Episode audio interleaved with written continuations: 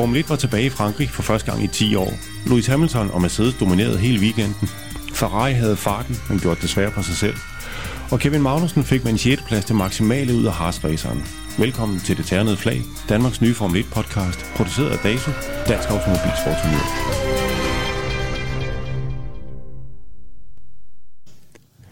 Den her udgave af det ternede flag kommer til at handle om meget mere end det franske Formel 1 Grand Prix.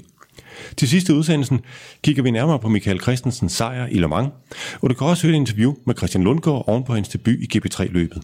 I studiet sætter DASUS talentchef Bo Balser Formel 1-løbet, Le Mans-sejren og GP3-debuten i perspektiv. Mit navn er Jan Sommer. Velkommen til. Men vi starter med Formel 1, og vi starter i front. Vi lægger ud. Vi lægger nemlig ud med dem, det gik rigtig godt for, og slutter af med dem, det gik rigtig skidt for. Efter et par lidt sløje præstationer i i Canada og i Monaco, så stod der igen Lewis Hamilton og Mercedes ud over hele weekenden. Hurtigst i to ud af de tre træninger, hurtigst i kvalifikationen og vinder af løbet. Bo, hvorfor var Lewis Hamilton og Mercedes så dominerende i den her weekend? Ja, men det er der sikkert øh, lidt flere årsager til. Øhm, blandt andet er der jo skrevet en hel del om, at de har fået nogle øh, opdateringer på motoren, altså en videreudvikling af, af en allerede meget stærk motor. Øh, den var klar her på Paul Ricard, og det, det har i hvert fald været en medvirkende faktor. Øh, og så er det også øh, en, en bane, som øh, man for, på forhånd øh, formodet passede bedre til McLaren-bilen. Hvis vi var et øh, inde på det i en af de tidligere podcasts, at, at og du mener, at den passer bedre til Mercedes, ikke? Ja, ja, McLaren, det er en helt anden snak. Ja, ja den, den, den, den, ved, den kommer vi til, det var godt. Ja. Men uh, Mercedes uh, har jo valgt uh, at, at bibeholde en, en lidt længere akselafstand, uh, hvorimod både Red Bull og Ferrari kører med en kortere akselafstand. Og det er sådan, at både uh, banerne, både i Monaco og Montreal, de er sådan nogle med, med hurtige retningsskift i chikaner og, og, og vinkelsving og så videre. Og, og det er i hvert fald uh, på papiret bedre, en bedre konstellation end, end det, som Mercedes havde til den type baner. Men når du så kommer ud på en bane som Paul Ricard, hvor der er nogle, øh, nogle meget hurtige sving og nogle sådan mere flydende rytmer osv., jamen så er det muligvis stadigvæk en fordel at have en, en bil som Mercedes med en længere øh, akselafstand. Så det er nok nogle af det. Plus at så havde øh, Lewis Hamilton så en af de der weekender, hvor han bare kan gå på vandet, ikke? Og, og det hjælper selvfølgelig på det. Og men den der Mercedes-motor, der må være... Ved du, hvad det er for nogle opdateringer, der... Det er den Mercedes-motor, de skulle have kørt med i Canada. Den kom så ikke. Den har de så fået her til det løbet i Frankrig. Øh, der var mange vitaminer i den. Altså Hamilton, han var øh, i anden træ, første træning, der var han, nej, anden træning var han 8 tiendedel hurtigere end nummer to. Ja, men altså, det, det er jo... Det, det, det, det, vi kan jo ikke godt nok, hvad det er, men, men jeg, der er i hvert fald øh, læst et eller andet sted, at, at grunden til, at den ikke kom i Canada, det var, at man, man stadigvæk havde nogle problemer med at få den til at holde. Øh, og nu ved jeg ikke, om Force India øh, har den sidste opdaterede Mercedes-motor, men der havde de jo altså Paris, der udgik med en, en motorskade. Øh, så, så det kan godt være sådan lidt, at de kører lige på, på grænsen, og måske har han fået en af dem, som øh, kan man sige, den første generation af den nye motorudvikling, øh, øh, og den har så øh, ikke kunne holde, og det var så også derfor, at Mercedes først har sat den ind nu her, hvor man var rimelig sikker på, at øh, nu havde man fået løst det der problem. Lige præcis hvad det er, man har gjort, det kan jeg, ikke, det kan jeg aner simpelthen ikke. Nej, men hvad, hvad de end har gjort, så har de i hvert fald ramt rigtigt. Øhm, og jeg vil bare lige sige, efter, efter kvalifikationen, der var Lewis Hamilton ikke helt tilfreds, fordi han mente, der var i hvert fald tre tiendedele mere i bilen, end han havde fået ud af den til kvalifikationen, hvor han var... Ja, ham og Bottas, de var, altså, de var faktisk pænt stykke foran Ferrari'en og ja, ja. foran Fettel i Ferrari'en. Det var sådan, altså, det må være lidt deprimerende for, for modstanderne at høre, altså, og, og Lewis Hamilton, han sagde det, han, han efterlod tre tiendel på bordet, så mm. ja. altså, det var, det var han, han mente, han kunne, specielt i sektor 1 på banen, øh, smed han nogen tid, øh, som, han, som han ærede sig over bagefter, selvom han var øh, klart på pole position, ikke? Mm. Jeg vil bare lige skyde en bonus ind for herind, og det er Louis Hamilton. Han havde faktisk aldrig kørt øh, Formel 1-løb øh, på den her bane før. Øh, han, havde han ville heller ikke køre den i simulator. Øh, så han har sikkert kørt nogle tester, men øh, onsdag aften, der tog han lige et par runder på sin motorcykel rundt på Paul Ricard for at lære banen at kende, og så går han ud, og så sætter han klar, så dominerer han hele første træningen. Det, det er vel også en ode til, at han, som du selv siger, han kunne gå på vandet hele weekenden, men det er vel også en ode, øh, det er vel et kado til hans talent. Altså. Jo, men det er der jo ikke rigtig nogen, der stiller nogen spørgsmålstegn ved, altså at han er en gudsbenået racerkører. Øh, og det der med, om han, om, altså man siger jo om en, en dygtig Formel 1-kører, han skal kunne lære en bane på en 3-4 omgang, ellers er han ikke Formel 1-kører. Øh, og nu er der jo ikke rigtig nogen, der har kørt Formel 1 på Paul Ricard, fordi det, det var det 25 år siden, at man sidst kørte, det var i 1990, så det var 28 mm. år siden, at man sidst kørte Formel 1 på Paul Ricard, det var på en anden banelayout. Så, så der er jo ingen, der kender den med i en Formel 1, men de fleste kører har prøvet den i, nogle af de andre klasser. Altså, jeg ved i hvert fald, at Kevin har kørt Formel Renault både 2,0 og 3,5 på den bane der, og det har de fleste af de andre kører også på et eller andet tidspunkt. Måske mm. ikke en kører som Lewis Hamilton, øh, fordi det er så lang tid siden. Øh, og på det tidspunkt, han kom i Formel 1, der, der brugte man ikke Paul Ricard. Der, der var det kun en test, øh, eller der, det var på tegnebrættet. Bernie Ecclestone havde jo købt banen, og så gjorde han det til et højteknologisk testcenter, træningsbane. Mm. Øh, så der blev det ikke kørt løb på Paul Ricard. Det blev det først her for nogle to-tre år siden. Og nu er det faktisk en af de mest benyttede baner overhovedet i Europa til alle mulige klasser. Hmm. Men uh, Mercedes var i hvert fald alt dominerende. Uh, og Mercedes og Lewis Hamilton var alt dominerende. Uh, ugens uh, uheldige uh, fidusbamse, den må igen gå til Valtteri Bottas, som uh, var tæt på Lewis Hamilton tre tiendedel efter i kvalifikationen, og så... Ja, altså hvis du kalder det tæt, det er det jo ikke, i, når man sidder i det samme, øh, med det samme materiale, men altså det er rigtigt, at uh, Bottas efterhånden er blevet en ulykkesfugl. Ikke? Det var fuldstændig uforskyldt, at han blev ramt af, af Fettel i, på, i sving 2, tror jeg det var, og spundet rundt. Så, så Mercedes, For en punktering, der skader hans bund, ja, og så får skal han ja, ja. have et ekstra pitstop også. Øh, og det, ja, ja. For der, der lå jo en, en Mercedes dobbeltsejr på, i kortene. Det, mm. det kan jeg ikke nægte, selvom Vettel også øh, selv synes, at han ikke fik nok ud af kvalifikationen. Men, men selv uden de fejl, han ligesom mente, han har gjort, der havde han ikke kunne slå øh, hverken øh, Hamilton eller Bottas på tiden i kvalifikationen, har man, har man regnet ud. Mm. Ja, fordi vi bliver også nødt til at bringe Ferrari ind i den ligning her, fordi øh, for mig der så det ud som om, de i løbet af weekenden havde farten til at kæmpe med om de forreste placeringer, men de kunne bare ikke rigtig holde kadencen, da det galt. Øhm, hvor, var de, øh, hvor gik det galt for Ferrari, hvis vi kan bruge det udtryk? Ja, altså, det er jo det der med, at, øh, at pendulet svinger frem og tilbage mellem Ferrari og, og Mercedes, og også til, til dels Red Bull. På nogle, nogle gange med nogle opdateringer, de seneste opdateringer, har det ene team en lille fordel så svinger det måske tilbage igen efter et par løb, og så kommer de andre med en ny opdatering osv. Jeg tror simpelthen bare, det er lige den her gang, hvor dagsformen på Mercedes' side. Øh, vi får aldrig rigtig at vide, hvordan race speeden var øh, hos Ferrari, fordi de, øh, altså Raikkonen startede for langt bagud, og, øh, og Vettel han øh, ødelagde det for sig selv, kan man sige. Ikke? Vi så jo, at han, han havde jo ikke nogen problemer med at køre sig op igennem feltet til en femteplads, eller mm. hvad det var. Så, så der var speed i bilen, men, men jeg tvivler på, at selvom de havde fået en ren start og en god start, så tror jeg ikke, de kunne have slået Mercedes øh, i, i søndags. Tror jeg simpelthen ikke. Fettel han fik med sine egne ord en, en alt for god start. altså, ja, kan man også få det. Men så skete der noget helt usædvanligt. Nede i sving 1 for Sebastian Vettel, han trak sig øh, i kampen med øh, Bottas. Er det Arne fra Singapore sidste år, hvor han kolliderede med Verstappen, og så mistede grebet om VM-pokalen der sidder i hovedet på ham? Er det derfor, er det derfor han trækker sig? Jamen, jeg, jeg, jeg tror, er, er den... altså, ironisk nok tror jeg, du ret, fordi altså, han, han ville netop spille forsigtigt øh, og undgå, at der skete noget i første sving, fordi det var uh, første og anden sving.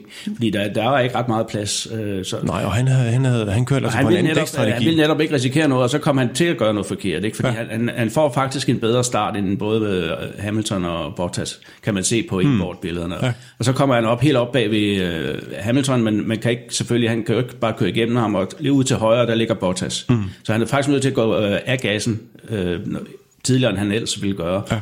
Og så tror jeg simpelthen, der sker det, altså ved det, at, at så kommer han også i indersporet, og, og da han så træder på bremsen, og, jamen, så har han ikke den samme bremseeffekt, som han ellers ville have. Ja, han er ikke nogen sted at køre hen. Og han er ikke altså. sted at køre hen, fordi det, han var lige bag ved Hamilton, så han kunne ikke gøre noget. Til venstre kunne han ikke køre, mm. og ud til højre, jamen der lå Bottas, mm. altså, og han lå bare og passede sig selv i virkeligheden. Mm og så kommer han altså til at ramme ham. Jeg tror ikke, der var noget som helst øh, hot-headed eller, eller, eller oversatsning eller noget. Det, det var simpelthen bare en af de ting, der sker mm. øh, en gang imellem. Og, øh, det kan, jeg synes ikke, man kan sammenligne med de andre øh, tilfælde, hvor han har fået sådan en, en rød tog hen over sig. Øh, og, og, og lavet noget virkelig dumt. Det synes jeg ikke, man kan sige i det her tilfælde. Nej, det her det var nærmest tværtimod. Det er vel fordi, han har lært af fejlene fra sidste år, og godt ved, at det er altså over en hel sæson, du samler point sammen til for til sidst at stå med VM-pokalen i hånden, og det er det, han gerne vil. Han vil godt stå med den VM-pokal i hånden og være verdensmester for Ferrari. Det vil han i, i den grad, altså, og, og, og hvis man husker tilbage til den sidste tredjedel af sæsonen sidste år, jamen, så smed Ferrari og, og Fælde jo netop mesterskabet, fordi at de lavede øh, både kørefejl, men også mekaniske fejl, fordi man presser materialet for hårdt. Og, så og strategiske fejl. Og strategisk, tak, ja, ja, ja. Alt, det hele gik øh, galt i sidste tredjedel, og, mm. og hvor Mercedes det bare kører som en velsmurt maskine. Mm. Og det er klart, det har, det har, det har man siddet ned og tænkt over, og Fettel har op i sit hoved tænkt over det, siger, jamen nu skal jeg bare ikke lave nogen dumme fejl. Mm. Så kan det godt være, at jeg kun kan blive nummer to eller tre i det her løb, men det er også værd at tage med. Ikke? Og, og det er jo desværre også sådan, altså i moderne Formel 1, at uh, langt det meste bliver afgjort uh, i starten, ved, ved starten, altså i, i starten af løbet, mm. ved selve starten, ikke? Altså, fordi det er så svært at overhale, specielt når man har biler, der er fuldstændig ens matchet på tiden. Ikke? Så, så det var bare en, en, en mærkelig ting, altså netop som, man, som du siger, han ville passe ekstra godt på, og så kommer han til at passe for godt på, og, og så kommer der en fejl. Ikke? Mm. I den anden Ferrari, der var Raikkonen på vej mod en sædvanlig Raikkonen-weekend, hvor han havde farten i træningerne, øh, men han lavede fejl i kvalifikationen. Men så slutter han på podiet. Det var vel egentlig en en oprejsende weekend for, for den lidt aldrende finske kører, hvis vi skal se det. Ja, altså man kan, spørge, man kan se det på den måde og sige, det var vel, altså, det var vel oprejsende på den ene side, ikke? Jo, det var det. Altså, altså han har jo været utrolig stabil øh, i mange løb, øh, i altid tid, efter han kom tilbage til øh, Ferrari. Jeg synes, jeg har hørt et eller andet om, at han har øh, de sidste par sæsoner 25 podieplaceringer, eller noget af den stil. Helt vildt ja. mange. Bare ingen sejre. Nej. Øh, så han kommer tit på podiet, og det, det er nærmest en uh, statistisk usandsynlighed, at ikke engang mellem vinder et løb. Altså, det tror jeg sådan set også, han kan risikere at gøre. Uh, men han havde jo en skidt kvalifikation, uh, kan man jo ikke sige andet. Altså, han starter sekser, og prøv at spørge Kevin Magnussen, hvad han synes om, om uh, Raikkonens uh, kvalifikationsrunde, den sidste der, som ødelagde Kevins. Hmm. Uh, men, men der kan man så sige, at han nyder selvfølgelig godt af, at uh, Bottas ryger bagud. Hmm. Og så får han selv en rimelig god start øh, og kommer også foran øh, Ricciardo øh, i Red Bull. Det var sådan, at de to Red Bulls de startede på to forskellige strategier. Den ene havde et, et high øh, downforce setup, og den anden havde et low downforce setup. Jeg tror, det var øh, Verstappen, der havde det sidste, altså lavt, øh, lavt downforce, øh, for ligesom at, at, at øge deres muligheder i det samlede der. Der havde nok været den bedste mulighed, øh, som den løsning, som Max Verstappen øh, fandt. For han lå det meste af tiden af. Han kunne ikke tro Hamilton, men øh, han var heller ikke troet bagfra. Det var vel Max Verstappen, han trængte til. Oven ja. på en enorm turbulent start på sæsonen, så trængte han vel til et, dybest set et kedeligt løb for sig selv, hvor han ikke øh, kunne køre køre ind i nogen, eller nogen, der kunne køre ind i ham. Det... Jo, jo, altså, og det, han fik jo altså også på det plads i Canada, så han er jo ved at komme tilbage på sporet, kan mm. man sige, efter en, en, en meget øh, kaotisk start på sæsonen, men han har altså også været ude og, og, og slå øh, journalister og andre specialister oven i hovedet og sagt, jamen altså, en hver kan lave fejl. Jeg har I nu også tænkt at sige til, til Fettel, at han skal lave om på hele sit, øh, sin tilgang til løbet og sådan nogle ting, fordi han laver en enkelt fejl. Han, han har virkelig været ude. Ja, ja, og, og han fik også på hattepullen i Canada, fordi han havde sagt, at jeg gider snart ikke, hvis der er nogen, der spørger mig om det her, så nikker med en skala. Det han er virkelig blevet kritiseret for. Ja, det kan man vel også godt det forstå. Det, det, det, det må han lade sin far om. Ja. ja. Øhm, men vi skal fra et hold, hvor det går rigtig godt, så skal vi snakke om, så skal vi nu til at snakke om et hold, hvor der, har, hvor der er problemer i parforholdet. For Red Bull, de dropper deres franske kæreste fra Renault efter 12 års stormfuldt forhold og skifter til Honda fra næste sæson. Er det verdens største overraskelse? Nej, egentlig ikke. Altså, vi havde jo også, vi diskuterede det jo også i den sidste podcast om, omkring de her og på det tidspunkt stod de jo, og, og man ventede på deres afgørelse, ikke? fordi Christian Horner havde jo tilkendegivet, at det, det, som var deres første prioritet, det var ikke så meget at få kørende på plads, nu skulle de have det her motor på plads. Og der synes jeg allerede, at man, man kunne skimte igennem øh, det, der foregik omkring Canada og så videre, at man, man kiggede alvorligt øh, på, på det her med Honda. Og man skal jo tænke på, at, at det der, de der 12 år med, med øh, Renault-motor, de har, altså, de har altså givet dem fire verdensmesterskaber. Det er godt nok nogle år siden efterhånden. Ikke? Så det har jo været ultra succesfuldt. At det så ikke er gået særlig godt her, og Renault stadigvæk ikke har en motor, der er helt på niveau med, øh, med hverken øh, Mercedes eller Ferrari. Det er jo en anden sag, og det er selvfølgelig også øh, en medvirkende årsag til, at de siger, at okay, vi tror ikke længere på, at Renault kan nå øh, Mercedes og Ferrari, inden vi skifter motorreglement. Det, vi vil hele tiden have en lille smule bagefter. Så kan vi lige så godt prøve, om vi kan opstarte øh, et, et øh, forhold til, til Honda, Altså det kan godt være, at motoren, Honda-motoren ikke er bedre end Renault-motoren på nuværende tidspunkt, men måske er det langsigtede perspektiv bedre, og måske skal vi i virkeligheden øh, koncentrere os om det, der sker efter 2020 eller 21, hvornår det er, det træder i kraft, fordi så har vi opbygget et godt forhold til Honda forhåbentlig. Vi ved, hvad hinanden vil. Vi bliver et fabriksteam. Øh, og det er det bedste, vi kan gøre på, på lang sigt, og jeg er mm. altså tilbøjelig til at give mig ret. Altså det, det synes jeg er en, en rationel vurdering. Mm. Men er det også øh, rationalet fra Red Bulls side at sige, så længe vi er kundeteam hos Renault, hvis Renaults eget fabrikshold fortsætter den fremgang, de er i i øjeblikket, så er sandsynligheden for, at vi øh, slår dem, den bliver mindre og mindre, hvorimod vi har større sandsynlighed for at blive verdensmester, hvis vi kommer ind og får en ene leverandør af motor til os selv.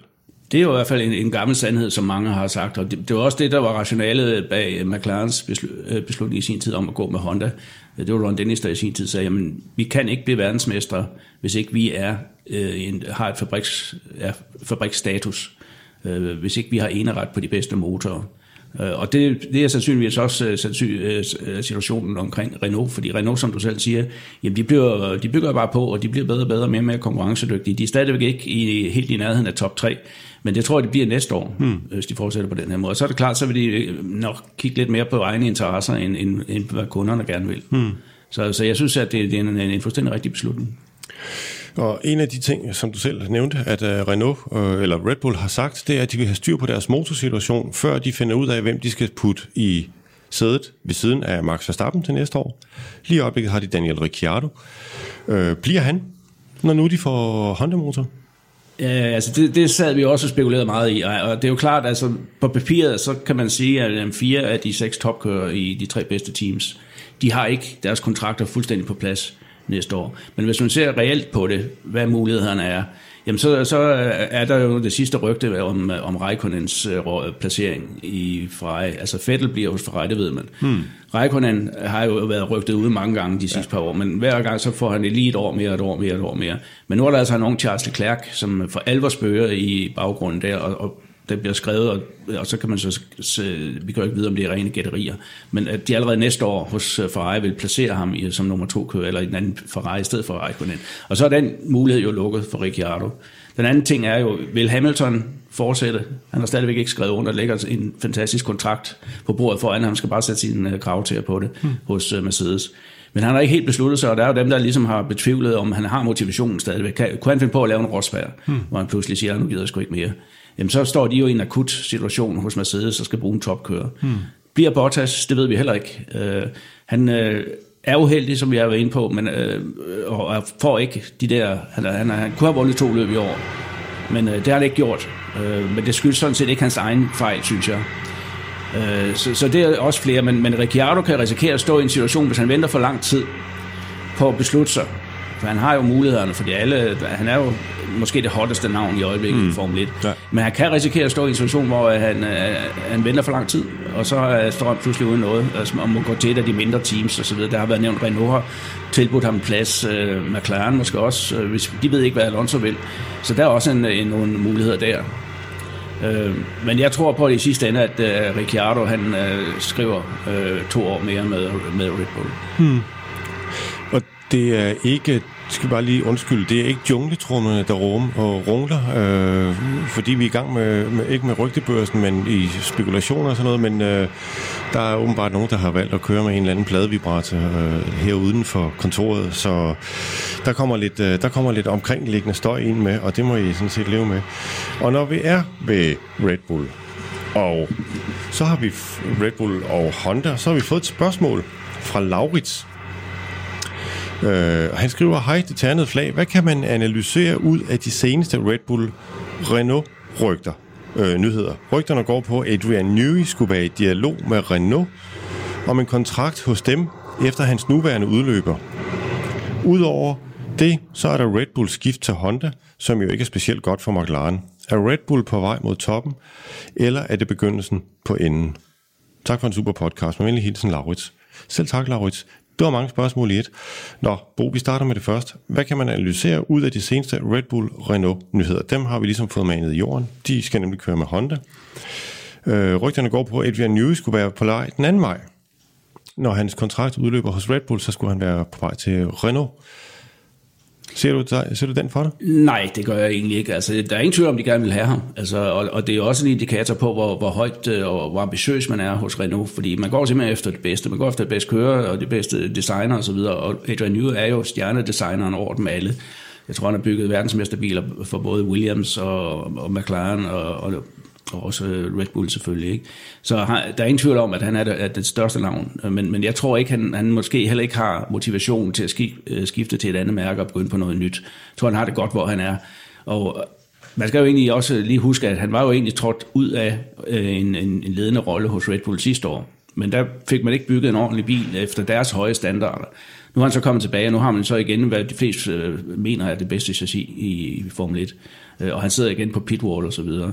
Øh, jeg tror altså, og han er jo op i alderen efterhånden, og har tjent en masse penge og er fuldstændig økonomisk uafhængig, så han, mm. han behøver ikke en ny udfordring på det niveau der. Men, men altså, der er ingen tvivl om, at Renault de er ude alle steder. De er også ude efter de bedste ingeniører og så videre for de andre teams. Det er de heller ikke blevet populære på. De har skrevet kontrakter med nogle FIA-folk, som, som har siddet med, med reglementerne og kendskab til de andre øh, teams øh, hemmeligheder. Øh, har de også hentet ind. De, de har de så været nødt til at sætte ham på Garden Leave, som det hedder. Jeg kan ikke lige huske, hvad, hvad han hedder. Men, men, men det er ingen tvivl om, at Renault, altså de mener det seriøst. Mm. Øh, det gør de. Altså, og de kunne også godt bruge en, en Ricciardo, øh, som hen over et par år måske sidder i en, øh, en øh, VM-vindende bil. Mm. Så, så, så det er en mulighed, og Ricciardo luftede selv muligheden også, da, da han blev spurgt igen og igen og igen. Øh, jamen, jeg har jo også blevet kontaktet af mange andre, så, og, så, og, og så nævnte han ikke nogen, men, men det kunne man godt øh, selv finde ud af, hvem det var. Mm. Altså, det, var det var selvfølgelig Renault, men også øh, McLaren har også været nævnt. Ikke? Mm. Øh, de sidste er nok ikke så aktuelle i øjeblikket. Jeg skulle også til at sige, der skal meget til at gå til McLaren i øjeblikket. Ikke? Øhm, men vi skal lige have det sidste spørgsmål, i, som Laurits har sendt ind til os, og det er, er Red Bull på vej mod toppen, eller begynd, er det begyndelsen på enden?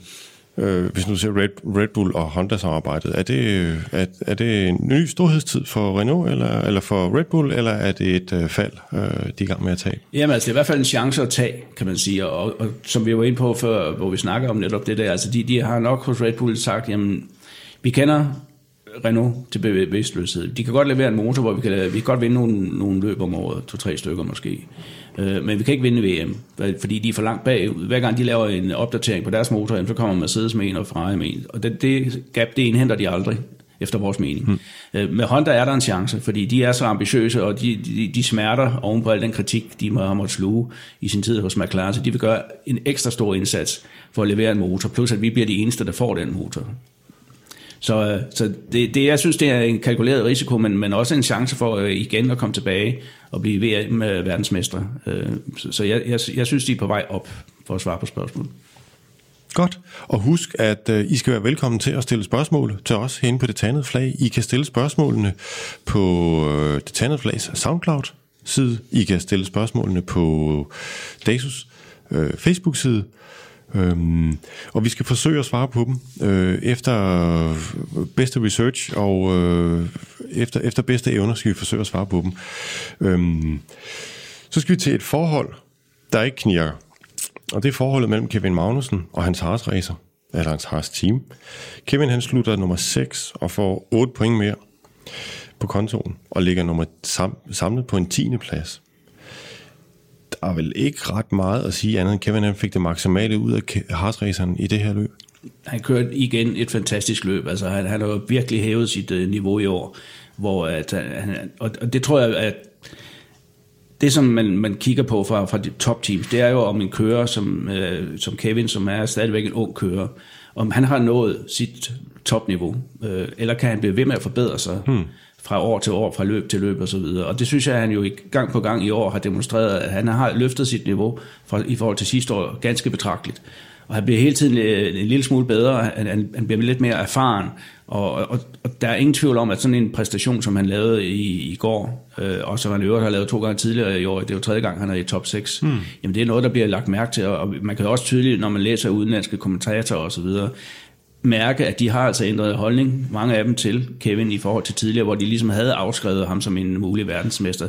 Så ser de ham nu som en, en spændende fremtidskører, øh, øh, som, som stadigvæk kan nå det helt store, hmm. hvis han bliver ved med at udvikle sig. Og øh, eksempelvis i det sidste nummer af det store blad, der hedder F1 Magazine, som er sådan et, et, et blad, der udkommer en gang om måneden, og som udelukkende mm. koncentrerer sig om uh, Formel 1. Ja, der er en stor artikel i det nye nummer her om Kevin, hvor han bliver altså fremhævet uh, som det helt store uh, fremtidshåb uh, blandt de allerstørste talenter, der findes. Mm. Så altså, altså en ny pragtpræstation af Kevin, og, og han bliver bare bedre og bedre. Mm. Efter løbet så sagde han, at det er den bedste bil, jeg har kørt i. Det er nogle øh, sjældent store ord for Kevin Magnussen, eller for nogen anden racerkører det hele taget. Øh, det er vel en mand, der strutter af selvtillid, øh, der siger sådan noget her. Det gør han, altså, og, og det er jo den gamle sandhed med, at succes afler succes. Øh, og han finder sig, befinder sig fantastisk godt hos Haas. Det er team lige efter hans smag. Det er, er politisk, der er ingen politik øh, i det. Han kender alle øh, folkene, der, de har ikke den store PR-afdeling, som skal tilfredsstilles. Øh, han kan gå direkte til Günther Steiner eller Gene Haas, hvis der, hvis der er et eller andet, han vil snakke med dem om. Han har mekanikere og ingeniørers fulde opbakning og fulde tillid, øh, og han befinder sig som en fisk i vandet. Og, og han har jo også selv sagt på et tidspunkt, altså han har aldrig helt vidst, hvor stor en fordel det var at komme fra et, øh, det samme team fra det året før og så til nu, i stedet for at skifte team og skulle til at starte helt forfra med alle de menneskelige relationer og lære bilerne at kende, og hvordan mm. man arbejder inden for det her team osv. Hvor stor en forskel det er at gå videre med de folk, man kender og bygge videre på, på det, øh, øh man har. Øh, det har simpelthen betydet stor, øh, altså, kæmpemæssig forskel for mm. Men jeg lå også mærke til, at øh, han, øh, da han bliver interviewet bagefter til, til tv, siger, at øh, til sidste løbet ligger han foran Bottas, altså han har altså en Mercedes bag sig, men han ligger foran Bottas, og så er han, han er lidt i tvivl om, hvad dækkene kan, og så, så for at holde Bottas bag sig, så bliver han nødt til at presse den med, og så finder han ud af, at jo mere han presser den, så havde han egentlig op i sit hoved troet, at han ville presse den så meget, at dækkene de blev for varme, og dermed begyndte at miste grebet, men tværtimod så fandt han ud af, at de måske i virkeligheden havde været for kolde, så jo mere han pressede bilen, jo bedre stod den fast, og pludselig så fandt han altså 6 tiendedel mere per omgang. Det vil sige, det er igen en, den opadgående spiral, han er en del af. Det er vel ikke det værste tidspunkt for en racerkører, når vi snakker om, at, at vi på de her fem uger, øh, eller på de her, jo, på de her seks uger, der har vi fem løb. Det er vel, ikke, det er vel et godt tidspunkt at have en stor selvtillid, og en stor, ikke bare en stor selvtillid, fordi der er mange racerkører, der men også en stor tillid til din bil og til dit materiale. Det er vel, det er vel den her del af sæsonen, der er så intens. Det er vel her, hvor en stor del af mesterskabet skal afgøres, fordi der er så mange point på så kort tid. Det er et, et kæmpemæssigt afgørende tidspunkt på 2018-sæsonen. Det er den næste måneds tid her, hvor der kører så mange løb. Og, og det, at Kevin er kommet så godt i gang med den periode, så bliver hektisk. Altså, de skal køre tre løb i træk. De har lige kørt det første, og så er der en enkelt uge, så kører man et løb mere. Øh, hvis, du, hvis du går ind i den, og du får godt, startet godt på den der, så kan, du, så kan du få det til at være en opadgående spiral, i stedet for en nedadgående spiral, hvis det havde startet skidt. Øh, og, det, og det næste gode er selvfølgelig, at de, de fleste af de baner, eller faktisk alle de baner, vi kommer til nu, de skulle passe Haas-raceren øh, meget, meget fint. Det, mm. det er sving, eller baner med hurtige sving, og så videre, mm. som, som den, den er rigtig god til. Så, så det er et, øh, en stor chance for Kevin også, altså til at, ligesom at markere sig endnu mere, og, og gør opmærksom på sit navn, også før at der skal skrives de endelige kontrakter. Øh, jeg ved, at de allerede er i gang med at, at diskutere kontraktforhold mellem med ham og Haas, og jeg regner det altså for 90% øh, sikkert, at han fortsætter hos Haas. Øh, jeg kan heller ikke se ideen i, medmindre han får et tilbud fra Ferrari eller et eller andet, og skifte til et andet øh, mellemteam, fordi der er ikke nogen, der er bedre end, end Haas, og som vil passe ham bedre. Men, men kan han komme godt igennem den næste måneds tid der, og blive ved med at levere på det niveau, han gjorde i går, så står han rigtig, rigtig stærkt i forhold til efterårssæsonen, men også til det hele fremtiden. Han er stadigvæk en ung kører, men han får en masse erfaring. Og den, som du lige nævnte med, med dækkene der, jamen det er jo sådan noget der, altså øh, man skal jo også være dygtig for at kunne ligesom erkende, at sådan, jeg tog sgu fejl, jeg troede, at dækken var for varme, i virkeligheden var de for kolde. Det ved han nu, og det ligger inde i, øh, det er blevet lagret inde i hans hjerne. Ikke? Altså næste gang han er i den situation, så tænker han, det kan godt være, at jeg bare skulle prøve at give lidt mere gas. Hmm. Og så kører jeg lige pludselig 6-10 sekund hurtigere, og så løfter folk øjenbryn endnu mere. Ikke? Hmm. Øh, og, og det er det, jeg mener med, at han hele tiden lægger på. Han bliver hele tiden bedre. Hmm. Han har i, i forvejen altid været god til, til eller forholdsvis god til tire management, det er, det er han rigtig god til, men, men nu har han begyndt virkelig at forstå det, også det dybere underliggende årsager. Og øh, så er der det her udviklingsræs, som ikke bare Kevin er en del af, men som hele Formel 1 er jo et stort udviklingsræs, og Haas-teamet er et af de mindste teams. Der var nogen, der havde frygtet, hvordan de var kommet på den anden side af de første opdateringer, som man som regel kommer med efter Barcelona, altså det første løb i Europa, og derfrem efter Mercedes slap jo ret godt for deres motor, har vi lige snakket om, motoropdatering. Haas må vel også sige at være sluppet ret godt for deres, øh, hvad hedder det, chassisopdatering, hvis vi så, hvordan bilen fungerede på en, en af de her baner med høj fart, og, eller med høj hastighedssving, og, og mellemsving. Jamen det, det må være meget opmuntrende for, for teamet, at øh, første gang de kommer til øh, med deres øh, rigtige nye opdateringer, de seneste opdateringer, som man holdt lidt tilbage, men man introducerede dem slet ikke i Monaco, fordi der mente man ikke, de ville have nogen effekt, og der var også for stor risiko for, at de ville blive smadret. Så overvejede man at introducere dem i Canada, men man gjorde det, og så gjorde man det også, men, men stadigvæk med, med et eller andet lille øh, en mente, at man skulle passe lidt på, fordi det, det er ikke vores bane, den hmm. her. Men nu kommer man så til de, øh, til de baner, som bilen er bygget til, øh, og så viser det sig, at det fungerer bare skide godt. Man er, stadig, man er igen best of the rest, det fjerde bedste team på griden. Det var man i hvert fald øh, i Frankrig. Hmm. Det tror jeg også, de vil være ved flere af de andre løb. Der godt svinge lidt. Øh, dagsformen er selvfølgelig også afgørende. Ikke? Hmm. Men altså, det, det må være en dejlig følelse at vide, at man har bygget noget, der, der dur. Hmm. Øh, man er kommet med et eller andet, der dur. Der, hvor jeg tror, at det, det bliver svært i, i det der øh, race, som du snakker om med, med opdateringer og udviklingsræset, det er, det er efter sommerferien Øh, hvor man øh, måske fra Haas er nødt til at koncentrere sig om at bygge 19-mobilen færdig, og ikke kommer med ret mange opdateringer i efterårssæsonen, så kan det godt være, at man altså bakker bagud. Men det kan også godt være, at man får så meget blod på tanden, fordi det går så godt, at man siger, at ah, lad os nu lige øh, få nogle flere resultater med herhjemme, for der er også noget, der hedder præmiepenge øh, og, og stillinger i konstruktørmesterskaber osv., som kan give os nogle penge til at ud, og videreudvikle bilen med. Mm. Ja, der kan vi jo sige, på positiv kontoen, der har Kevin Magnussen scoret lige så mange point i 2018, som Haas tilsammen gjorde i 2017. Øhm, de ligger et point efter Force India, som var helt væk i, øh, i Frankrig øh, i konstruktørmesterskabet. De, øh, men det samme gælder vel for teamet, ligesom det gælder for Kevin, at de her fem uger, der er der rigtig mange point på spil. Både for køren, men også for teamet. Det er nu, de skal hente de her point, og så det er det, altså fordi som sagt, det er ikke sikker på, at de kan følge med i udviklingsræset efter sommerferien, medmindre de beslutter sig for at ændre strategi i forhold til, til det, de gjorde sidste år. Øh, og det gælder både køren og, og, og teamet, og man sidder jo stadigvæk og ærger sig over øh, Australiens Grand Prix, hvor de smed over 20 point væk hmm. ved at lave fejl i pitten eller ved dækskiftet. Ja. Og det må bare ikke ske igen, hmm. fordi når man har sådan en gylden mulighed som lille team, som de har nu, øh, så skal det bare udnyttes. Ja. Og så er det, når det er sagt, så er det altså også på tide, at, at man får gang i Romain Grosjean, øh, fordi det, altså, Kevin har scoret 27 point, det er alle dem, som har så fået. Hvis, hvis Grosjean havde scoret 20, øh, så har de altså ligget rigtig godt til i mm. konstruktørmesterskabet. En kører kan ikke klare det alene, mm. så man skal have Grosjean på sporet igen. Ja. Og det er også det, Günther Steiner har været ude at sige, nu skal vi have ham op i det hul, han er i. Ja. Øhm, man bliver ved med at grave sig ned i det jo. ja, det, ja, det, må, det må man sige. Øhm, og det er der også andre, der gør. Fordi som lovet, så skal vi snakke om nogen, som det går rigtig skidt for. Det er nemlig McLaren. Øh, og de har problemer på mange fronter. Øh, først, det sportslige tager vi lige først. De kvaler som nummer 16 og nummer 18. De er altså ude af Q1, og Alonso slutter sidst i løbet hvis vi skal underdrive, så kan vi vel godt sige, at de har etableret sig som et bundhold, McLaren. Det er det næst dårligste hold efter Williams hvor, hvor pinligt er det at, ja, at, at altså, være vidne til? Det, det er jo, altså for, for McLaren-fans må det jo være forfærdeligt. Altså, og det var der altså mange af. ja, det ved, det ved jeg ikke, fordi det var et, historie, et team med en god historik. Hmm. Jeg, kan, jeg kan huske en gang øh, i begyndelsen af 80'erne, hvor man havde et Grand Prix i Long Beach, hvor øh, at de startede allerbærest, de to McLaren, fordi man ikke kunne få styr på dækkene. Men jeg tror, man skal så langt tilbage for at finde noget, der minder om det, som skete her i weekenden, hmm. hvor de altså var fuldstændig håbløst bagud. De kunne aldrig nogensinde få, få gang i dækkene osv., og det mærkelige var, at både Van Dorn og Alonso kom ud og sagde, at vi synes egentlig, at bilen kører godt indtil de lige så omgangstiderne, som var helt håbløse. Ikke? Men hvis nogen for, for 15-20 år siden havde sagt, jamen, øh, til det franske Grand Prix 2018, der, de to bagerste startrækker eller noget af den stil, det, det er Williams og, og McLaren, hmm. så tror jeg ikke, der var ret mange, der havde troet på dem. Altså, men det ligner jo altså en, en DRU, som, som den uh, Williams desværre også er en hmm. hvis ikke der sker noget. Og der er jo altså også en masse, altså i England, holder journalister sig jo altså heller ikke tilbage, øh, specielt ikke dem fra Daily Mail, mm.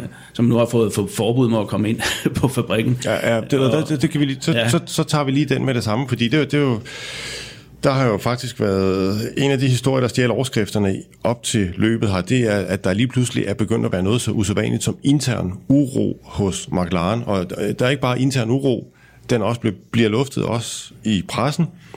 Øh, unavngivende medarbejdere, de brokker sig over, at de bliver spist af med 5 kroner chokolader. Freddos. Freddos, ja.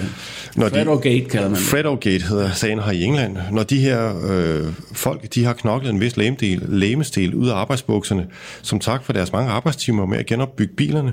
Og så brokker de sig også over ledelsen, den ikke er synlig Altså det er mytteri, og det er meget, meget usædvanligt i så lukket en organisation som McLaren, det der sker i øjeblikket, de har vel også de har vel et problem på ledelsesplan også? Jamen det er der ingen tvivl om. Altså spørgsmålet er efter, efter min mening, hvor lang tid Erik Bouillet han, han holder i den. Altså han er jo den, den formelle ansvarlige for at få det her til at virke. De har offret deres tekniske direktør ja, allerede. Det har de. Han, han er blevet fyret. Der, der, hvornår, hvem er det?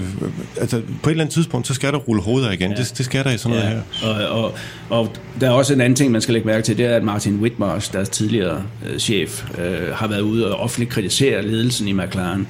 Øh, og han har ikke lagt skjul på, at der er folk fra gulvet øh, på McLaren, McLarens medarbejdere, som har henvendt sig direkte til ham og siger, kan du ikke gøre noget? Og det, og det, det, gør, han, det gør det jo, fordi han, han stadigvæk har et tæt forhold til det, ejerne af McLaren, mm. Mansour Odier og, ja. og kongehuset i Bahrain osv. Det, dem er han stadigvæk på rigtig god fod med. Og han har rapporteret direkte, øh, siger han til Mansour Odier, om uh, state of the, of the country, ikke? Altså, ja. hvordan det egentlig står til hos McLaren, og det mm. har ikke været godt, det har ikke været rar læsning, hvis man uh, havde været Erik Boyer eller Zach Brown, det er i hvert fald helt sikkert. Mm. Uh, og, og Martin Whitmars, han siger lige ud, at altså, den eneste måde, vi kan komme ud af det her moras på, det er at få en ny ledelse. Øh, og de har selvfølgelig svaret igen. Øh, øh og på det, det vil han vel sjovt nok gerne være en del af. Ja, men det vil han sikkert gerne, og du skal heller ikke øh, forsage, at det kan ske. Altså mm. han pludselig bliver kaldt ind til at redde den synkende skude. Mm. Fordi altså, det her i år, det er jo, nu har man i flere, i de sidste tre år øh, givet alt skyld til Honda, for at de ikke kunne følge med. Nu er Honda der ikke mere. De har fået Renault motor, de sidder også, øh, de samme motorer sidder i Red Bull, øh, og Renault selvfølgelig også, og de kører jo cirkler omkring dem. Hmm. Øh, så, så det, det, er helt overbevist nu, at bilen er elendig. Altså, den, der, den er, det er en fejlkonstruktion, ligesom hmm. Williams-bilen er det. og spørgsmålet er, om man kan nå at gøre noget, eller allerede nu sige, at det her det år, det kan vi godt glemme. Vi bliver nødt til at lave noget helt nyt og radikalt til næste år. Øh, og det er der virkelig noget, der, der, vil, der vil kaste skygger langt hen ad vejen. Erik Boyer sidder på en udsat, øh, udsat post, og her før Frankrigs Grand Prix var der et øh, pressemøde, hvor han var oppe og skændes med en, en journalist for Daily Mail, øh, som, som øh, gik direkte til ham og sagde, jamen, er du den rette mand til det her, Erik Boyer? Og hvor han så kom med en lang ramse over alt det øh, positive, han havde opnået i sit liv, før hmm. han kom til McLaren. Ikke? Ja. Men det kan du ikke blive ved med at leve af. Altså, og nu er bukserne altså blevet trukket af dem i den grad, øh, fordi de kan ikke længere give øh, motorleverandøren skyld. Hmm. Har du et bud på, hvor det ender, det her med McLaren? Jeg tror, at det ender med, at øh, Erik Boyer efter det, de her øh, løb hen over juni-juli måned øh, ryger ud. Øh, altså sommerpausen? Ja, øh, og så øh, kommer øh, Martin Whitmars ind igen. Øh, hvad der så sker med Zach Brown, det ved jeg ikke, men, men det har også altid undret mig, hvad han skulle der. Han er marketingsmand, så sætter man ham til at lede et racerteam, så det, det, det synes jeg er yderst øh, mærkeligt. Og, og Zach Brown, man skal huske på, at han har mange andre jern i altså blandt andet er han, øh, han øh, manager for Lando Norris og nogle andre kører, Plus han har... Øh, han har United Autosport. Han har United Autosport, eller delejer i hvert fald, som ja. et Le Mans team. Altså, ja. øh, og en af de ting, som til syden også er blevet kritiseret af, af folk på gulvet hos McLaren, det er, at man snakker om alt for mange ting. Altså nu, nu vil man køre, så vil man køre Le Mans, måske med det nye Le Mans, man vil også køre Indy, Indy, IndyCar, IndyCar ja. altså, og, ja. og man kører i forvejen et GT-program. Altså koncentrerer jer nu om det vigtigste og få det her til at virke, ja. øh, synes det at være. Og, og det, det, jeg tror ikke til så meget, fordi de synes, at de skulle have noget mere i løn eller sådan noget. Jeg, synes simpelthen, at, jeg tror simpelthen, at det, det gør ondt på dem. Det virker som en, på historien i Daily Mail virkede det som om, at det var en frustration over, at det folkene på gulvet leverede, stod ikke mål med, hvad hedder det, i hvert fald ikke med resultaterne, og det, der blev leveret fra, fra ledelsens side af. Det var, det var, sådan, det var sådan, jeg læste historien. Ja, altså, og når de så nåede nogle deadlines, så fik de en Fredo. Ja. ja. og de fik en hver. Ja. De fik ikke øh, to, de fik en. Og det skal lige siges, som vi, grunden til, at vi lige tog et uh, sidespor over til Fredo-gate her, det var, at den journalist, der har skrevet historien, han er blevet, form- han blev i weekenden forment adgang til McLarens Hospitality center i, øh, i paddocken, i, og det er, det var nærmest censur. Det, det er sådan noget, man... Jamen, det, det, er altså, det, det, man er ikke venner, det er ikke alle, der er venner med alle, og det, men, men, men det der med at holde øh, navngivende folk ude, det er, det, det, det, jeg kan ikke huske, det er sket før. Det, det er sikkert sket før, men jeg kan ikke huske det. Nej, og det er jo også dumt, ikke? Fordi altså, så lugter journalisterne, og, og i det her tilfælde Daily, Daily Mail, som jo er ekstrabladet i England, ikke? Mm. Altså, så lugter de jo blod, ikke? Mm. Altså, så, så fordobler de jo bare indsatsen, ikke? Og, øh, Øh, for at finde noget, noget snavs at rode op i. Ikke? Så det, det, sådan noget elsker de jo. Og jeg vil jo bare, jeg skal, jeg vil bare sige, at øh, hvis Erik Bollier synes, at han blev hårdt behandlet af en enkelt journalist, fra, kommer der en lille, en lille anekdote her, hvis han synes, han blev hårdt behandlet af en enkelt journalist fra et enkelt medie, så var han der selv til, der McLaren har sådan noget efter hver Formel 1 øh, kvalifikation om lørdagen, så er der Meet the Team, så kan alle fra pressen komme ned, og så kan man stille spørgsmål til ledelsen og til kørende. Og øh, da McLaren kørte med Honda, så stillede de med Hasegawa dernede, og der havde hele den engelske Fleet Street-presse, de havde rottet sig sammen, samtlige seks, og de stillede ikke spørgsmål til Van Dorn, de stillede ikke spørgsmål til øh, Alonso, der var ikke spørgsmål til Boulier, der var til Hasegawa, og de kørte alle seks på ham, og alle sammen med det temaet, hvornår går du af? Nu har du leveret dårlige motorer til det her team. Hvornår går du af? Og synes du ikke, det er dit ansvar at gå af? Og det kom fra alle seks sider. Så, øh... Og det siger man til en japaner, hvor det værste, man kan gøre, det er at få dem til at tabe ansigt. Ikke? Ja, ja, ja. så, så, så nej, der er ikke nogen kære mor der. Øh, og, og nu kommer behandlingen altså så til, til Erik Boyer, er jeg overbevist om. Hmm. Og jeg ved ikke, om han kan stå imod det.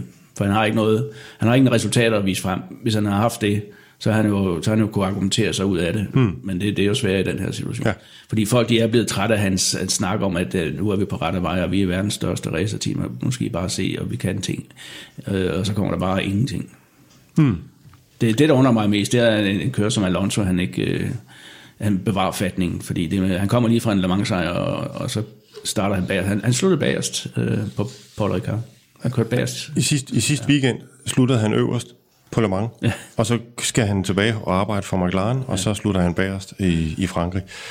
Øhm, og mens vi sidder her og snakker om øh, McLaren og Formel 1, så er Formel 1-karavanen ved at blive pakket sammen og på vej mod øh, Red Bull Ring i Østrig. Øh, hvad er det for en bane, de skal ned og køre på der, Bo? Jamen, det er måske den smukkest beliggende bane øh, på hele Formel 1-kalenderen. Den ligger der, hvor den gamle Østerreich-ring lå i. Øh, der er måske nogen, der kan huske øh, en fantastisk bane, der ligger op og ned af bjergskråninger og ned i en dal. Og forrygende. Forrygende bane. Ja. Den havde mange ting. Den har også hed A1-ring. Ja, ja. Og, ja. har den, altså alt efter sponsorerne. Men ja. nu er det altså Didrik Martestitz og Red Bull, der ejer den. Hmm. Og det er klart, at så vil Red Bull-teamet jo også gerne figurere dernede. Så altså, der bliver sat ekstra en der. Der kommer garanteret en opdatering, kun er lavet til den bane for om muligt at komme på. Men, men det bliver lidt svært, for det er også en, en motorbane, altså, altså på den måde, at det, det favoriserer hestekræfter. Hmm. Og det er jo stadigvæk der, man er, man er lidt bagud hos hmm. Red Bull. Men ellers er det en, en øh, meget fin bane. Den nye, den nye version af, af banen, øh, den følger sådan set det, det gamle banes layout på mange måder. Den er bare kortere. Nogle af svingene er de samme. Og det er altså nogle, altså, hvor, hvor altså nogle af dem er virkelig hurtige i sving, som øh, kræver en, en bil, der er rigtig god balance, og det er jo så her Haas kommer ind i billedet, øh, fordi det har man. Og så, og så er der et par som mere almindelige vinkelsving, du tager i tredje gear, mm. anden eller tredje gear. Øh, men, men det er en god bane, og det er også en bane, hvor man så vanligvis ser nogle overhalinger. Og det var øvrigt også her, at Valtteri Bottas øh, fik sin første Grand Prix sejr sidste år for Mercedes, så han, han har i hvert fald gode øh, minder om det. Men, men vi vil jo stadigvæk se de tre top-teams øh, distancere de andre vældig meget, og så kan vi så håbe på, at, at Haas øh, igen er, er best of the rest. Mm. Nu skal vi så til Spielberg, Spielberg, eller vi skal til Red Bull Ring, hedder det, i næste weekend, hvor der kører, bliver kørt Formel 1, eller vi skal ligge derned, vi skal til Formel 1 fra Red Bull Ring i Østrig, så sker der også noget på, den hjemlige, på de hjemlige baner. Ja, der sker nok ikke særlig meget, altså, hvis jeg skal helt ærlig, den her kommende weekend. Det er som om, at uh, sommerpausen nærmer sig lidt, men, men vi har noget, som altså, vi har på, på sådan lidt skæve vinkler, hvis man kan sige det på den måde. Uh, I Kalundborg for eksempel, der køres der noget, der hedder Legal Street Race, uh, øh, som en af vores klubber arrangerer, og det, det er sådan et, et løb, hvor du kan simpelthen dukke op i din egen bil, så kan du lige få den uh, sikkerhedstjekket, uh, og så kan du få lov at køre sådan noget street race, altså legal street race, hvor du ikke risikerer, at politiet kommer med det hele og ødelægger festen. Uh, altså god gammeldags uh, drag racing mm. for almindelige biler. Ikke? Okay. Så det, det, det kunne være sjovt for, for mange, tror jeg, at ja. se det. Og, og det er også et forsøg fra DASUs side på at, at gøre det muligt at lave noget lovligt uh, race, i stedet for, som når det bliver lavet sådan lørdag aften i et industrikvarter som regel, mm. så er det jo ikke med de nødvendige tilladelser og ikke med den nødvendige sikkerhed. Mm. Det vil det være her. Okay. Altså, der, der er der hold om sikkerheden, og folk, der ved det. Hvor kan, hvor kan, man, kan man gå ind på DASUs hjemmeside og finde mere om det her Legal Street Race i Kalundborg? Det kan du. Øh, du kan gå ind på www.dasu.dk øh, og så kommer du ind, og så står der kalender ja. på forsiden, så klikker du der, og så kan du finde alle de arrangementer, der er okay. øh, i den kommende weekend. Ja. Et andet arrangement, det er noget, der hedder car busting.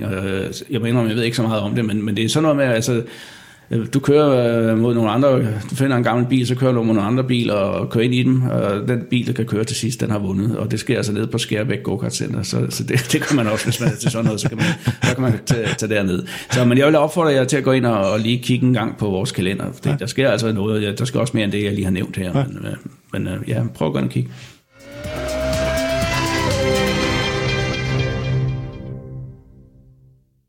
Best of the rest, en der var Best of All i sidste weekend. Øh, det er Michael Christensen, der vandt øh, GTLM Pro-klassen på Le Mans øh, i sin Porsche 911 RSR. Øh, hvor imponeret var du over Michaels øh, sejr og den måde, den blev kørt hjem på? Ja, det var jeg meget imponeret over. Altså, men, men jeg vil også sige, at jeg sad og krydsede alt, hvad der kunne krydses. Øh, fordi hvis man husker et år tilbage, der lå de også rigtig godt til i, i Le Mans med Michael og hans Porsche øh, GT. Men der lavede Michael desværre for en fejl, en af hans meget sjældne fejl. Øh, og jeg ved jo, altså jeg har jo det allerhøjeste respekt for Michael Christensen. Jeg har kendt ham øh, mange år siden. Han blev junior europamester i go og sådan noget. Og der var en længere periode, jeg troede, der ville han blive den næste dansker i Formel 1. Det gik så ikke helt, men så blev han jo heldigvis øh, snappet op af, af Porsche, som øh, så gav ham muligheden for at starte en, en sportsvognskarriere. Det er snart fire år siden nu. Hmm. Øh, og han er for det første en, en fantastisk fyr, en meget, meget øh, god og sympatisk ambassadør for motorsport, og samtidig en af verdens sport, bedste sportsvognskører. Så at lige netop ham i, i den lyserøde gris, øh, som, som, som hans bil bliver kaldt øh, i år, øh, kunne gå hen og vinde, det kunne, ikke komme, det kunne simpelthen ikke ske for en, en bedre øh, fyr, synes jeg, og yderst fortjent. Hmm. Men det betyder så også, at, øh, at Michael og hans øh, franske holdkammerat Kevin Estre, de fører GT-klassen i kampen om VEC-mesterskabet. Øh, er det den titel, som Michael han går efter? Det er jeg helt sikker på, det er. Øh, og man skal også tænke på, at, at øh, point i eller mange, øh, ja, tidligere fik man dobbelte point. Nu, det gør man altså ikke længere, nu får man halvanden gang. Mm. Det vil sige, at i stedet for de 25 point i en normal sejr i et 6 timers løb, ja, så får han altså 37 point her. Og da de så også bliver nummer to i åbningsløbet på Spa, så har de en god, ham og Kevin Ester, en god, et godt forspring nu. Mm. Øh, og så tror jeg på, at de er jo tidligere blevet øh, nummer to, eller Michael er jo tidligere blevet nummer to-tre stykker i, i VM-serien der. Mm. Øh, så altså, det går nu godt, og nu har Porsche altså også for alvor fået styr af det, på deres nye bil, som jo kom sidste år, og som første gang er en Porsche med centermotor, selvom de ikke vil indrømme det. De siger, at motoren ligger foran bagaksen, det er ikke en centermotor, men det kan man jo så diskutere.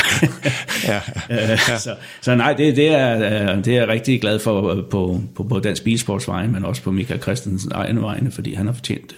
Hvis man kigger på den interne kamp i Porsche, så stiller de med to identiske biler, øh, og med to forskellige kørebesætninger, Michael og Kevin Estre i den ene, og i den anden side er der Gian, Gian Marini Bruni, en ja. italiener. Jimmy Bruni bliver han kaldt, ja. ja. Og så øh, øh, Fado Markovici, så vidt jeg ja. husker. Ja, en fransk ja, og det er jo, det er jo stjernenavne alle sammen. Altså, nogle og, af de og de var vel de etablerede kører? Det er de. Altså, det, det, var, det, var, også, det var også Bruni, som satte den her fantastiske pole position tid i GT-klassen. Øh, ja, på Le Mans i år. På Le Mans, ja. ja. Det er ham, de har... Det er klart, altså, det, det, det, det vil blive en hård øh, kamp, men jeg tror, at, at Porsche er jo kendt for, at når det efterhånden begynder at tegne sig et mønster om, hvem der ligger bedst til, øh, jamen, så, begynder de, så begynder der altså at komme teamordre. Hmm. Øh, så hvis øh, Michael og Kevin Ester kan bibevare føringen et godt stykke hen. Vi har jo den her specielle super season, som først slutter efter næste års Le Mans. Der indeholder to Le Mans. Men hvis de fører øh, mesterskabet her øh, efter det, det her års øh, løb her, der kommer 3-4 løb mere, øh, jamen så tror jeg også, det vil dem, der vil, der vil blive satset på, og mm. så vil de andre få at vide, at vi skal have dem der ind øh, og vinde VM. Mm. Sådan, sådan gør man jo øh, i tysk motorsport. Ja. Og man vil sige, det var dejligt med en, noget at glæde sig over, øh, at vi kunne glæde os over Michael sejr i Le Mans, fordi øh, generelt var der ikke særlig meget, synes jeg, var der ikke særlig meget at glæde sig over i Le Mans. Det var lidt kedeligt. Øh, og danske resultater var også sådan lidt på, bortset fra, fra, fra Michael sejr. Altså sorterer man Michael sejr, Michael Christensen sejr fra, så var resten af de danske resultater vel sådan på det jævne, kan man vel sige. Ja, det, det var det. Altså, dem, øh, der klarede sig næstbedst, det var jo Jan Magnussen og hans Corvette-team, og de er jo altid et eller andet sted i nærheden af toppen. Øh, man husker også i 2017, hvor de mistede sejren på, på næst sidste omgang hmm. i klassen.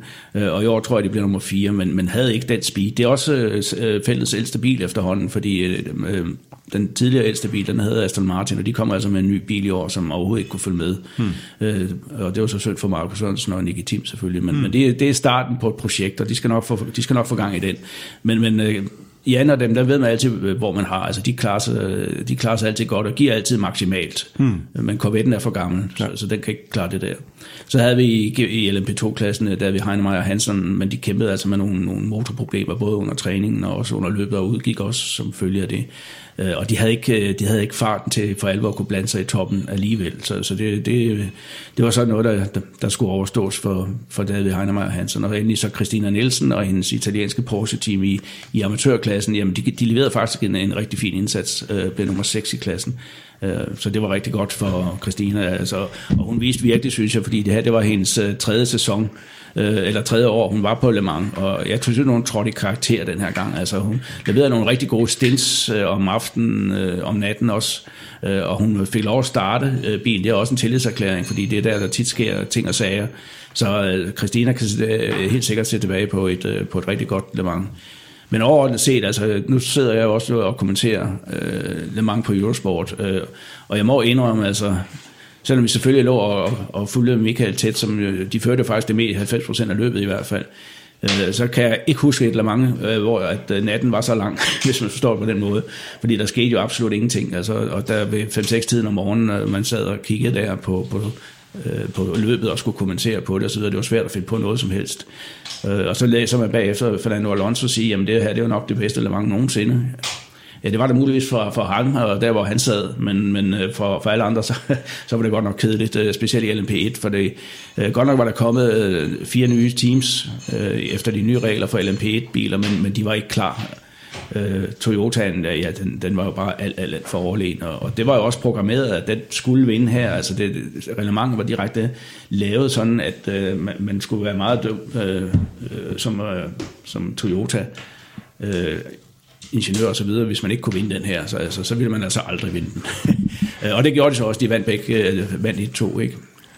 Men det var, det var vigtigt, at, at, at en japansk producent fik lov at vinde med mange i år? Jamen, der er jo mange ting, der spiller ind i motorsport, og en ting er jo, er politik. Ikke? Altså, hvis, hvis ikke Toyota havde kunnet gå tilbage øh, til, til direktørgangen i Japan øh, med en sejr her nu, jamen, så er det ikke sikkert, at de nogensinde havde dukket op øh, ved et eller mange mere og, og heller i det hele taget i motorsport, ikke? fordi at man, kan jo, man har brugt milliarder af kroner på det her projekt, øh, og ikke vundet noget før nu. Ja, man har godt nok vundet VM for nu, et par år siden, men man har ikke vundet det, som de alle sammen vil vinde, og det er Le Mans. Øh, det lykkedes så i år. Øh, og så var der så den ekstra krølle på halen, at man havde Fernando Alonso i den vindende bil. Og det er jeg helt sikker på, at det var noget, der var programmeret på forhånd. Fordi det var, hvis det var en Toyota, der skulle vinde, så var det den, øh, fordi at, at der var så meget mere PR i det. Mm. Øh, så, så det passer meget godt. Altså. Og nu er de folkehelte i, i Japan, og Nakajima øh, kan sige, at han er japaner, der vandt i et japansk bilmærke på, på Le Mans. På Le Mans. Så, så, så, så bliver det nok ikke meget højere i... Der er vel kun kejseren, der er større. Ja, det tænker jeg. Ja.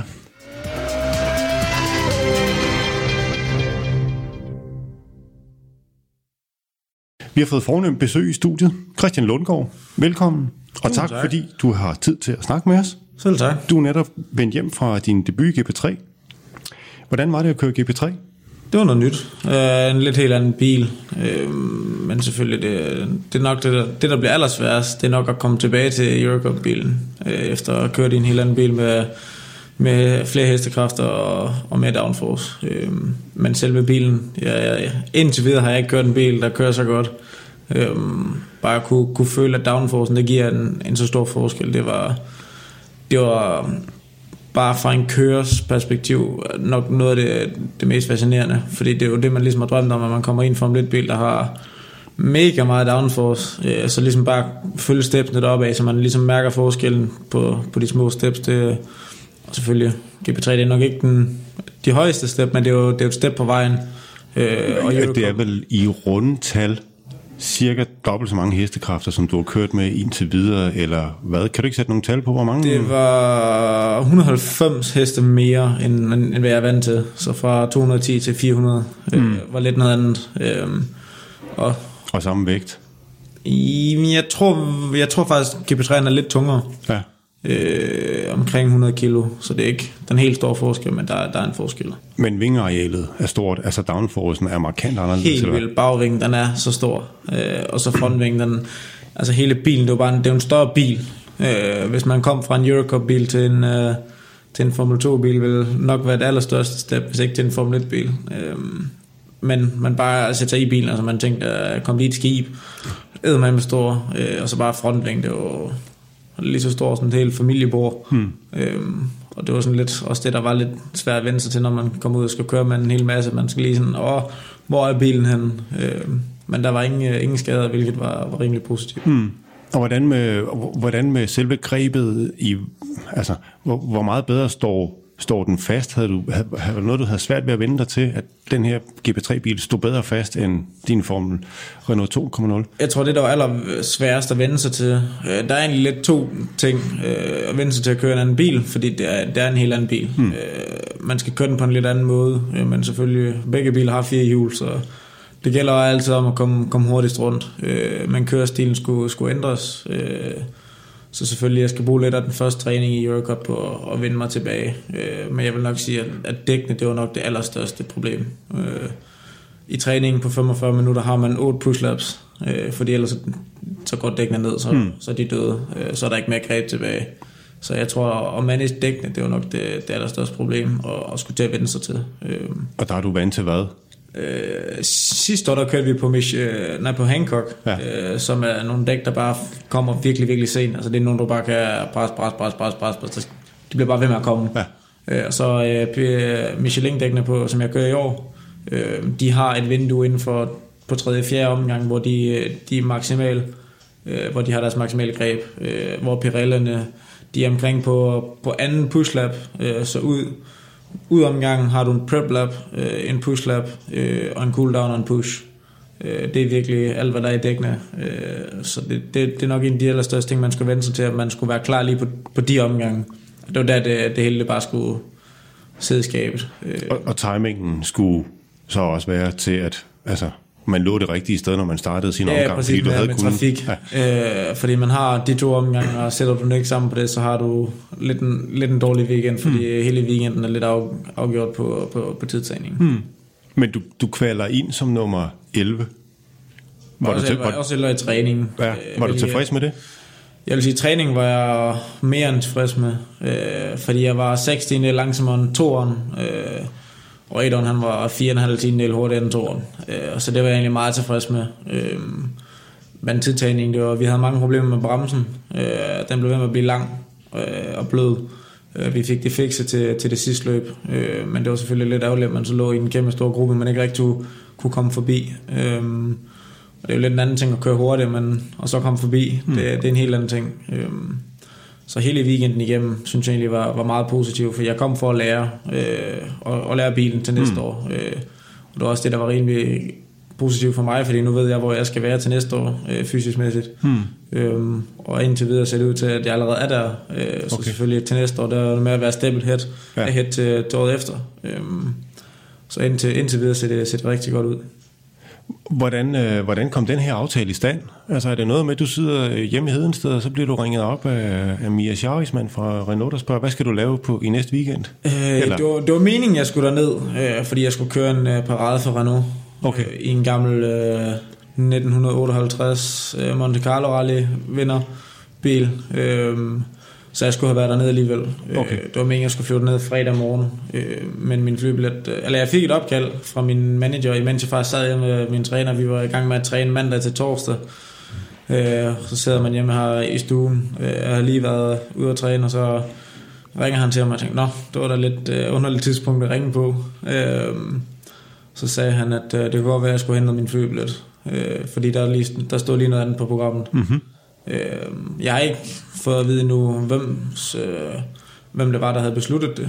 Øh, om det var Renault, øh, manager, teamet, hvem end det så var. Så, så jeg står lidt i det som spørgsmålstegn endnu, lige på det punkt. Øh, men jeg synes ikke, at der er nogen grund til at klage på nogen måde. Øh, det er vel ikke sådan et opkald, man siger nej til? Overhovedet ikke. Øh, jeg tror heller ikke rigtig, jeg havde valgt, om jeg ville sige nej. Øh, men øh, men det, var en, det var en super fed weekend for mig også, fordi det var, det var med Formel 1. Øh, og ikke med Eurocup, hvor vi skal holde en halv time væk fra, fra Formel 1 mm. Øhm, så det hele det var lidt mere samlet, øh, så det var lidt mere, man følte sig lidt mere ind i weekenden, mm. øh, primært med, med Formel 1. Øh, og der var noget mere medie selvfølgelig, fordi det var, nu skal man jo lave sin debut, debut øh, så selvfølgelig der var noget, noget mere medie mm. på den måde. Men nu siger du, at du, du primært var der for at lære. Fik, fik du så lært, og hvad var det, du fik lært? Lært, må man sige, jeg fik gjort det. Øh, selvfølgelig, jeg fik lært en ny bil. Øh, jeg fik lært, hvor, hvor jeg skal være til næste år. Øh, nogle dæk, øh, som bliver meget svært at lære mm. på, på den lange sigt. Ja, fordi du havde, ikke, du, havde, du havde fået opkaldet i så sen tid. Du havde heller ikke noget at køre noget simulator. Ja, ja ingenting gjort. Øh, jeg, blev, jeg blev ringet op ved, ved to-tiden tirsdag. Øh, så måtte jeg jo hoppe på toget hjem hurtigst muligt. Øh, og så sad jeg i min egen lille simulator derhjemme øh, hvor vi, øh, mig og min stop, hvor vi havde fundet en GP3-bil, og så sad vi og kørte lidt på Paul og så sad vi og byttede lidt, og, og så hvad, hvad vi så kunne, kunne finde ud af, hvor, hvor godt, hvor mm. realistisk det kunne være. Øh, selvfølgelig, jeg har kørt på banen før, så jeg kendte banen, øh, så det er ikke det, der var det hele store dilemma, det var mere at, at lære bilen, men selvfølgelig, man ved ikke rigtig, hvor godt simulatoren den passer med til forhold til bilen, før man har prøvet bilen. Øh, så da jeg kom derned, det var sådan lidt, Nå, nu, nu sker det. Øh, og selvfølgelig i Eurocup-bilen er det en fodkobling. Der er der tre pedaler. Her mm. er der to og pedaler, eller kobling på, på rettet. Ja. Øh, så lige at vende sig til det, øh, det var nok en af de ting, jeg nok havde sværest ved. Fordi den kobling, den er ikke nem. Mm. Øh, og specielt vi havde problemer i, i både løb 1 og 2 med koblingen. Så det var sådan lidt øh, gætteri med held forstand, hvordan man kom fra, øh, fra starten. Øh, mm men selvfølgelig... Men hvad, hvad, hvad, hvad fysisk? Der sagde du, der var du sådan, der var du, du var på, på jysk, du var godt med, det vil sige du. men, men stiller den større krav til dig fysisk på alle parametre? Altså for din nakke, for det, armmuskler? Jeg vil sige, at det, armene var faktisk allerstørste problem i træningen, øh, fordi Eurocup-bilen er utrolig let. Øh, den vejer stort set ingenting mm. øh, at køre, mm. øh, fordi den er jeg ved ikke hvorfor, men den er virkelig, virkelig let at dreje. Hmm. Øh, den er lettere end Formel 4-bilen, jeg kørte sidste år. Øh, og den skulle ikke være så tung. Øh, så man kan ligesom sige, at, at Eurocup-bilen er, er virkelig let. Hmm. Så kommer man ud til en GP3-bil. En GP3 og Formel 2-bilen, det er nok nogle af de tunge biler, du kan køre hmm. i formelmæssigt. Øh, og ja, mine arme, de, de havde det rimelig hårdt i den første træning. Øh, men men bare at vinde sig til det. Da jeg fik vendt mig til det, der havde jeg ingen problemer derefter. Hmm. Fordi altså, når man kommer fra en bil, der bare er så let at køre, og man så skal ud og køre en bil, der bare er virkelig, virkelig tung. Øhm, det, det er jo, efter man havde vendt sig til det, så, så var der ingen problemer. Hmm. Jeg havde lidt forventet efter træning og, og virkelig have det hårdt i, i løbet, fordi det er 40 minutters løb ja. øh, på, på 20 omgange. Men jeg synes selv, at øh, det, det gik okay. Ja. Fysisk mæssigt var der ingenting. Nej, så, nej jeg havde også lidt forventet, at min nakke ville være, være godt død. Hmm. Øh, jeg kunne huske, at jeg kunne mærke den lørdag aften, øh, da jeg skulle til i seng, men, men søndag var der heldigvis ingenting. Hmm. Hvad, hvad, har du, hvad har du mere samlet med dig af erfaringer dernede fra? Det er en anden måde at snakke med teamet på. Øh, da det er en mere avanceret bil end, end Formel Renault 2.0, er det så dialogen med, de, med ingeniøren, den er anderledes? Ja, jeg var så heldig, at uh, min ingeniør han er både med på GP3 og, og Eurocup. Uh, så det var egentlig den samme ingeniør, jeg havde, og det ham havde jeg også sidste år. Uh, det er allerførste gang, han nogensinde har arbejdet med den samme kø i tre forskellige klasser. Uh, og vi har også et utroligt uh, godt sammenhold. Hmm. Uh, jeg har også fået, flere, fået at vide af flere personer, at, at vi skal ikke ændre vores, uh, vores setup. Hmm. Fordi det, er, det spiller. Uh, og jeg var også... Altså selvfølgelig, der er en masse ting, man skal gå igennem, fordi det er en ny bil, man aldrig har kørt i. Altså det hele det er nyt. Øh, så der er en masse strategier, man skal gå igennem, specielt med, med dækkene, øh, hvordan de skal køres på, øh, hvor hårdt man kan køre på dem, og hvordan de ligesom skal plejes. Øh, så selvfølgelig, der var en hel masse ting, man skulle gå igennem øh, torsdag, øh, inden vi, vi kom på banen fredag. Øh, så der var en masse ting i, i lastbilen, vi gik igennem, øh, og fik øh, støbt noget sæde torsdag, og få det hele tilpasset, så, så jeg kunne, kunne performe på, på max. Mm så kommer vi til det her store dilemma. Øh, nu har du som øh, ung racerkører uh, øh, kørt i en klasse. Nu har du så prøvet at køre et enkelt løb i klassen op over, og nu skal du tilbage og køre Renault 2.0. Det bliver sådan lidt ligesom at mm, ikke at gå tilbage til en gammel kæreste, men at, at gå, gå tilbage til en svagere bil. Hvad, er, det, det, er, det, er, det, er det svært som... Vil, vil du have det svært som det? Eller svært med det som racerkører? Jamen, øh, jeg kan huske sidste år til... Jeg kørte øh, rookie-testen i øh, Eurocup øh, på Barcelona sidste år i slutningen af året, men weekenden efter det, jeg tror det var mandag eller tirsdag, vi kørte rookie-testen, og den weekend, der skulle jeg køre det sidste øh, løb i spansk Formel 4. Jeg kan huske, det tilbage til den, det var et kaos. Men selvfølgelig, det, bare, når man først lige er kommet i den samme rytme, man var i, hmm. så er der ingen problemer. Øh, men ja, det, der var det største problem dengang, kan jeg huske, det var sædepositionen, for den var så anderledes. Mm-hmm. Fordi i Eurocup-bilen, der ligger du noget mere ned, øh, hvor i Formel 4-bilen, der, der er du sådan meget skubbet fremad. Ja. Øh, og jeg tror, jeg vil ikke sige, at, at nuværende, på, det, på det nuværende tidspunkt tror jeg ikke, at det vil blive det største problem øh, at komme tilbage i bilen. Øh, men selvfølgelig, at, at Eurocup-bilen den er så let, at man bare kan rykke med den. Øh, det er sådan en lille sådan sten, du bare kan, mm. kan lege med.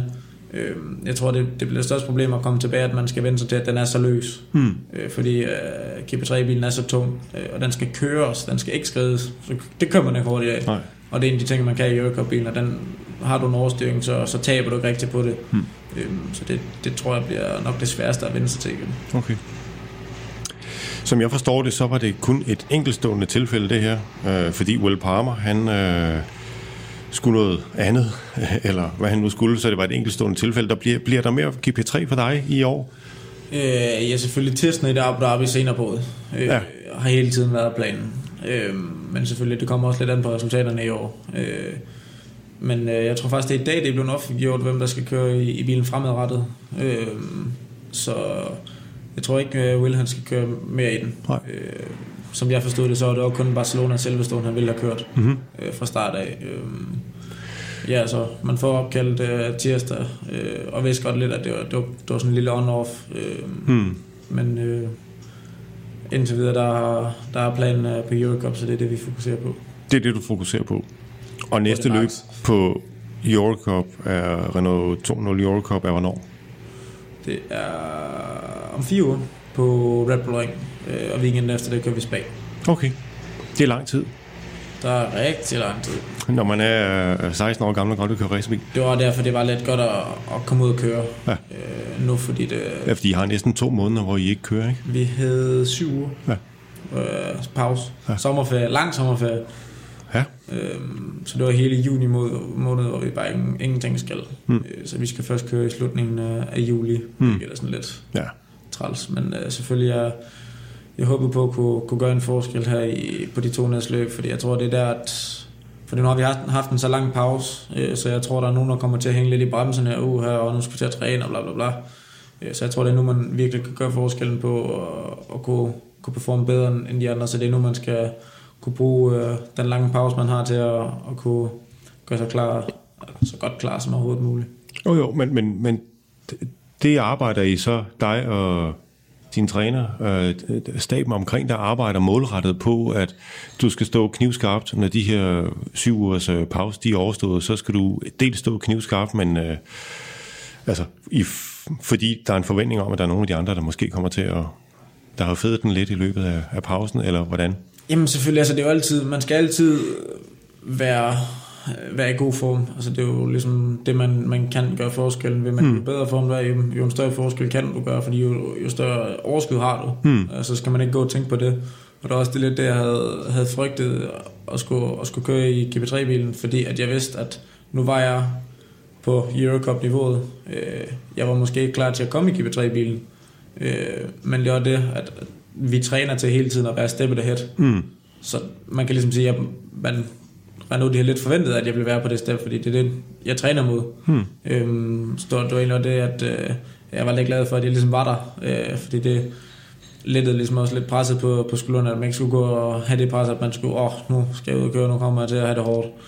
Og det, det var ligesom bare, de tanker var ligesom bare væk, hmm. fordi det har man ikke, fordi man er allerede på, på det niveau. Øhm, så det er også en af de ting, øh, der skal være til næste år, at øh, så skal jeg være på Formel 2-niveauet. Øh, og den, øh, den er, er tung at køre. Mm. Som jeg har forstået det, så er Formel 1-bilen lettere at køre end den øh, fysisk mæssigt, så hvis man er på det step, så er man, så er man godt parat. Og nu rører du selv ved både Formel 2 og Formel 1. Øh, du er jo en del af Renaults øh, talentprogram, og du er også en af de kører, der er blevet udvalgt til at køre simulator øh, hos Renault. Formel 1-simulator. Hvornår er det planen, du skal i den? Øh, Eller har du været, kan jeg spørge? Ja, jeg har. Jeg har vi, alle Eurocup-kørende fik en, en dag. Jeg kan ikke engang huske, hvornår det var. Det er vel to-tre måneder siden. Øh, hmm. Måske to og en halv. Øh, men, men jeg tror planen den er, at jeg skal tilbage øh, i simulatoren lige efter Silverstone. Øh, Når du siger Silverstone, er det Formel 1-løbet på Silverstone? Okay. Ja, vi, vi har kørt der, så... Ja. øh, ja, til når, når Formel 1 Grand det er slut. Hmm. Øh, ugen efter. Hmm. Øh, men selvfølgelig, det skal jo også, det hele det passer, det skal lidt passe med, med træning, øh, men selvfølgelig, det kommer lidt i første prioritet, så, ja. så vi må ligesom planlægge derefter. Men selvfølgelig, øh, mig og min træner, vi har lagt en, allerede en, en rigtig lang plan, øh, hmm. fordi det er nu, vi kan gøre forskellen, så vi har, jeg tror, jeg har ja, måske totalt set, måske en halvanden uge øh, indtil, måske faktisk kun en uge øh, på alle dage, så cirka syv dages øh, øh, ferie indtil ja. øh, Red Bull Ring. Resten det er stå på træning. Ja. Øh, så selvfølgelig, der, der er en masse, vi skal, vi skal have gjort. Øh, men jeg tror nok, vi skal være, være godt parat til, til Red Bull Ring. Det lyder godt. Vi øh, alle mulige held og lykke herfra. Tusind tak, fordi du gad at kigge forbi. Og give den noget gas derude. Det skal jeg gøre. Det er godt.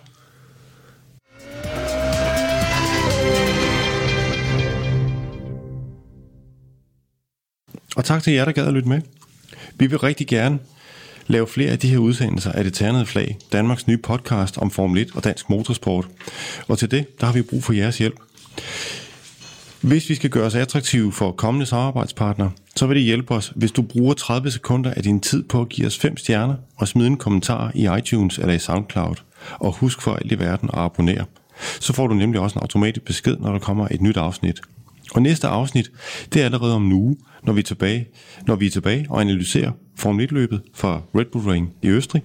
Vi høres ved.